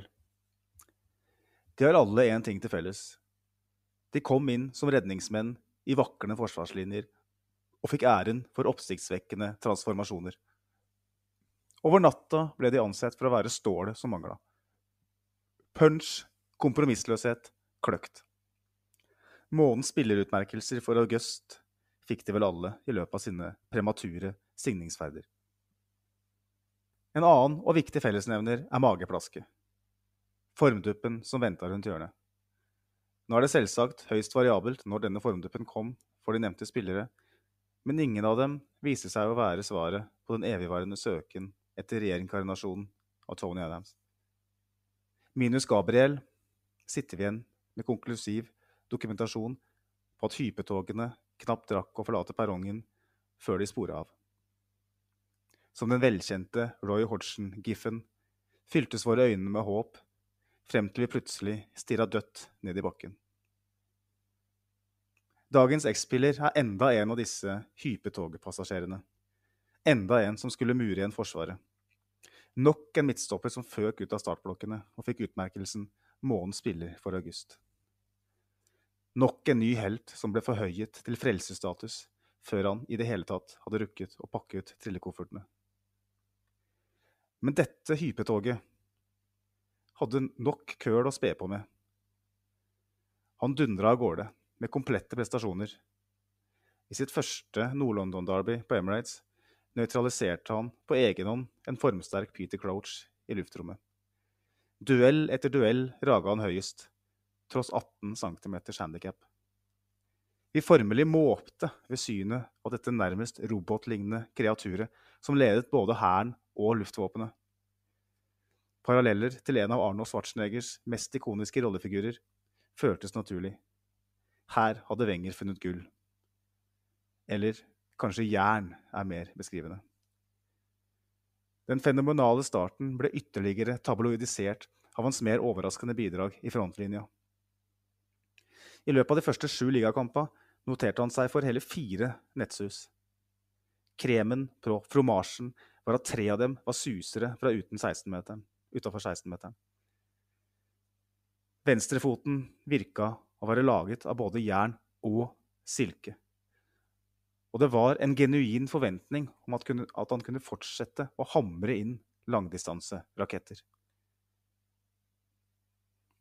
I det hele tatt var hele den første sesongen en gedigen suksess selv om han ikke var i nærheten av å opprettholde et urealistisk målsnitt. For sine prestasjoner ble han stemt inn på årets lag i Premier League i en sesong hvor Arsenal havna på en respektabel tredjeplass med 75 poeng. Vi følte oss bønnhørt. Endelig hadde vi en bauta der bak. Hypetoget fossa videre. Så kom den skarpe svingen vi ikke hadde forutsett. Den ulykksalige vendepunktet. Fanfavoritten pådro seg en alvorlig akillesskade kun et par uker etter at den såkalt vanskelige andresesongen var påbegynt. Operasjon var nødvendig, og dagens X-spiller mista hele resten av 2010-2011-sesongen. I mellomtida kjente Laurent Koscielny ferten av en død manns brød og viste en lovende utvikling. Selv om Wenger trolig hadde intensjoner om å kjøre dem i tospann, var det temmelig åpenbart at de potensielt kunne være lite kompatible. Begge var offensive i stilen og likte å gå høyt i banen. Begge var aggressive og hadde sine styrker fysisk og teknisk, og kanskje ikke taktisk. Innen dagens X-spiller var klar til dyst igjen, hadde Wenger lukket å hente ytterligere en konkurrent. Per Mertesaker var en helt annen type, som i motsetning til Korselny og dagens X-spiller hadde sine styrker taktisk. Tyskerens evne til å lese spillet var en viktig årsak til at det kantrende skute kom seg på rett kjøl høsten 2011. Den fremtidige verdensmesteren sørga for en kjærkommen motvekt til sine stopperkollegers mer instinktive natur. Wengers forsøk på å pare de to stilistisk like stopperne feila, og de rett og slett ikke utfylte hverandre godt nok. Det måtte bli enten den ene eller den andre. Mertesaker kunne spille med dem begge. I denne tungvektsduellen gikk Korselny av med en krystallklar seier, og skulle etter hvert danne Emirates-æraens klart beste stopperpar, sammen med Lange-Per. Men vi må ikke glemme at skadeproblemene fortsatte å tårne seg opp for Wengers jernmann. Både lengre og kortere avbrekk ventet, mens de to konkurrentene fikk plenty av tid til å utvikle en god kjemi på banen. Og selv når han fikk sjansen, klarte han ikke å gripe den. Den voldsomme, voldsomme energien i spillet var borte, og han hadde store defensive utfordringer. Ettersom tida gikk, ble det åpenbart at han var et godt stykke unna en plass i førsteelveren. Backup på stoppeplass og nødløsning på venstre bekk var milevis unna det man forventa, spesielt etter den elleville første sesongen. Men her var vi. Til tross for dette nølte ikke den franske professoren med å gi ham kapteinspinnet da den lille gutten inni Robin van Persie plutselig ble forvandla til en hyklersk snørrunge. Det sier litt om statusen til dagens X-spiller. Dedikasjonen og innsatsen smitta over på lagkamerater og fans. Det var et naturlig valg, selv om plassen i førsteelveren var mer enn truet. 2013-14-sesongen ble hans siste sesong og da var hans rolle som backup nærmest sementert. Han var kun på banen i 14 ligakamper, og i tillegg fortsatte fysikken å svikte ham. De fleste skjønte dermed at et klubbbytte trolig var det beste for begge parter. Men før overgangen til Barcelona rakk han, som første Arsenal-kaptein på ni år, å heve sølvtøy over hodet. Klippet av ham fra Wembley da han løfter FA-cupbøtta, er for evig sydd inn på netthinna som det kanskje største øyeblikket etter flyttingen til Emirates. Og selv om også dette hypetoget havna i grøfta, hadde Thomas Fermalen, aka The Verminator, en svært solid Arsenal-karriere. Det må han absolutt kunne si. Jeg hadde jo han som en liten personlig favoritt en stund her, jeg. Jeg syns jo han eh, altså, Selv om han var en god stopper, det var jo et eller annet med den X-faktoren han hadde framover som gjorde at du fikk en ekstra forkjærlighet for han. Mm. Eh, kanskje aldri lurt å dømme en stopper etter hvor mange mål han skårer. Eh, for han hadde jo åpenbart sine mangler bakover. Men eh, han var en fin type. Jeg husker jo han Det var vel en kamp var det på landslaget hvor han hadde tirra på seg van Persie ganske kraftig, tror jeg. Hvorpå jeg husker van Persie snakka om i ettertid at han, på en måte allerede der da, hadde sett at dette var en en fyr han godt kunne tenke seg å, å spille på lag med. Så jeg vet ikke om det, det hadde noe å gjøre med eh, inntreden hans. Men, eh, men, de kom jo godt overens, de, i Arsenal-drakta den korte stunden de var der begge to. Så, så, gikk det jo dessverre da nedover med Farmalen også. Så du kan sikkert argumentere for at han selv var fornøyd med neste steg på karrierestigen. Det var ikke, var ikke helt gærent å uh, gå videre til Barcelona på det tidspunktet der. Nei da, det, det, er jo ikke et steg ned for så vidt, det. Men han gikk jo ikke til Barcelona som en sånn eh, storsignering som skulle inn og, og være en, et klart førstevalg heller. Så litt sånn som Alex Song eh, mm. eh, rett i etterkant. Eh, så, så, gikk han jo dit eh, eh, rett og slett for at han jeg av og til føler at, for at han var en Arsenal-spiller, og Barcelona likte å mm. plukke Arsenal-spillere. Stemmer det. Ja, det var fælt, det. Noen år, altså.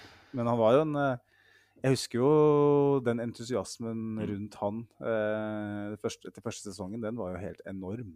Altså det, det er få det er, det er, vel nesten ingen forsvarsspillere, kanskje med unntak av Kieran Tierney nå, som jeg kan huske hadde en sånn status etter mm. så kort tid. Det var, det var, heftig, altså. Så Det er derfor på en måte han kanskje ikke helt klarer å huske det heller. da, For at han ble så skuffa over at han, at han, ikke klarte å, å, å fortsette å levere det. For det, mm. Nei, Etter hvert så var det jo tydelig at, at, han var Av de tre da, som var som Mertesaker Korsellen, så var han åpenbart tredjevalget. Eh, selv når han var skadefri. Og det, det hadde jeg ikke trodd, altså. Eh, når jeg så Korselny komme inn der som en type fra Frankrike, eh, som gjorde en del feil. Så, Nei, han hadde jo en ganske brutal start på karrieren, i motsetning til Fermalene. Hva var det du sa? Han skårte fire på de første sju? Ja, det var helt vilt. Han banka en to mot uh, var det Wigan og ett mot Blackburn. Burn, ja. Tre langskudd på Stemmer. to kamper eller noe sånt. Det var jo bare Satt den mot Everton i Ja, han skåret i debuten der òg, ikke sant? Nei, det, det var en artig, artig, kar, det, altså. Han er vel fortsatt uh, aktiv, er han ikke det? Spiller ikke han i Kina eller noe sånt? Jo, jeg tror det. Uh, han var jo, jo i den belgiske troppen i, i, i EM og spilte jo. det er faktisk utrolig.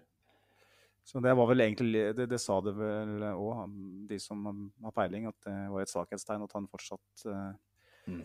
var en av uh, de tre beste stopperne til, til, Belgia. Uh, en av få svakhetstegn i, i, troppen, sånn, hvis du ser på hvor, hvor styrke det er. Ja. men det er jo en, en, bra type, tror jeg, Famal, så jeg unner han jo, unner han jo gode opplevelser. Og jeg håper at, at han har det ålreit i, i Kina. Ja, helt sikkert. Ja, det var noen fine, fine, stunder vi fikk med han. Og som du var inne på, det, det aller største øyeblikket hvor vi bevitna det live selv, når han løfta trofeet over, uh, over huet i FA-cupen der. Det, det, er absolutt noe å ta med seg inn i historiebøkene. Mm. Mm. Godt levert, da. Takk nok en gang. Fine varianter som kommer på perle på en snor fra deg, altså. Jo. For bare oppmuntre lyttere som eventuelt sitter og hører på en X-spillerspalte og tenker at åh, den spilleren skulle jeg gjerne hørt enda litt mer om. Det er bare å sende inn på, på Facebook eller på Twitter. En, sende en personlig melding der, så, så godt mulig at ønsket blir innfridd. Uten at jeg skal ta noe redaktøransvar for hva du, hva du produserer, Magnus. Nei, som jeg sa, da, så, så fremst ikke jeg spillere fra sånn 70-80-åra, hvor det, det, sitter masse folk som kan mye mer enn meg. Eh, så da får heller oppfordringen være at, at de skriver den sjøl, og så kan vi fremføre eh, ja. Så får jeg fri ei uke òg, så slipper jeg å skrive de greiene. jeg tror du koser deg fælt ja, når du sitter og skriver dette. Ja, ja det er kjempegøy, men eh, Det tar litt tid. det er det som er. Det er ikke alltid det er tid til det. Så av og til kjører reprise. Si én av ti ganger så kan det bli en reprise herfra. Og ja. Unnskyld, altså stemma mi brister, men uh, det hører dere kanskje. Uh, da er det på tide å gi seg, kanskje. Jeg lurer på det. Det er formalen som uh, gjør at man blir rørt, rett og slett. Nei, heller, heller de gledestankene vi får når vi ser fram mot hva som venter til, til helga. Tomiyasu er jo den si det Tomiyasu er jo den spilleren nå. Den som kommer til å få månedens spillerutmerkelse nå, som vi kommer til å tenke at er framtida, står det. Så får vi se da, om hyppetoget blir, får bli på skinnene. Så det, jeg tenker på han. Jeg gleder meg over eh, eh, Sagniasu, som jeg liker å kalle Sagniasu, det er greit. Vi noterer oss det. Håper at eh, seierstoget ruller videre da, de neste dagene. Så, så kan det bli enda lystigere når vi sitter her. Eh, det blir vel nesten en pod på direkten, til og med, etter Tottenham-kampen. Det er vel halv seks-avspark på søndag kveld. Så ja det kan bli himmel eller helvete, det. Men uh, ha godfølelsen, altså. Så jeg ser allerede fram mot uh, det vi har uh, å kose oss med den søndagen. Ja, det er bare å hanke inn hjertemedisin og håpe på det beste. Endelig så skal 5-1-tipset mitt uh, innfris, tenker jeg. Tenk om, da. Ikke jinx. Neida.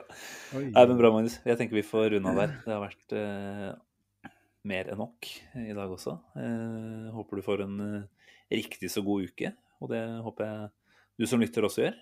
Ta med deg godfølelsen fra helga og ha noen fine dager eh, som kommer nå. Så, så, gleder vi oss til å prate mer eh, om en ukes tid.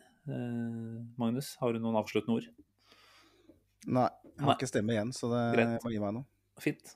Takk for aften. Og for så vidt så må vi bare ta med at vi også setter eh, pris på om lyttere som fortsatt ikke har vært inne og fulgt oss på Facebook eller Twitter, har lyst til det. Det skader på en måte aldri å vokse på de plattformene der. Da får man eh, litt mer eh, ja, både synlighet og plutselig også muligheter når det kommer til å hanke inn f.eks. gjester. Så vi, vi jobber jo alltid for å bli, bli bedre, Magnus.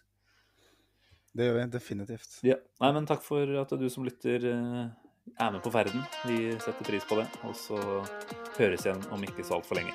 Ha det bra. Ha det bra.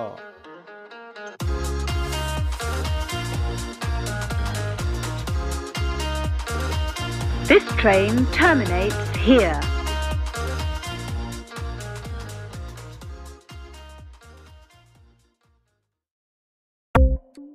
Ukens annonsør er HelloFresh. HelloFresh er verdens ledende matkasseleverandør og kan være redningen i en travel hverdag. Mange av oss har nok vandret i butikken både sultne og uten en plan for middagen, som ender med at vi går for de samme kjedelige rettene gang på gang. Middag burde være dagens høydepunkt. Som HelloFresh kan du nå velge mellom 25 ulike retter hver eneste uke, eller få HelloFresh til å sette sammen menyen for deg. Dette gir deg muligheten til å prøve nye og spennende retter alene eller sammen med familien. Du velger antall porsjoner og får alt levert på døren på et tidspunkt som passer for deg.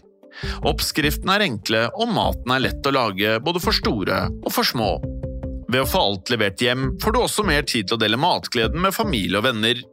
Kanskje det frister med asiatiske tacos eller greskinspirert kylling? Da kan jeg anbefale deg om å gå inn på hellofresh.no. Her kan du bruke koden FOTBALL og få opptil 1779 kroner i rabatt på de første fem matkastene hvis du ikke har prøvd HelloFresh tidligere.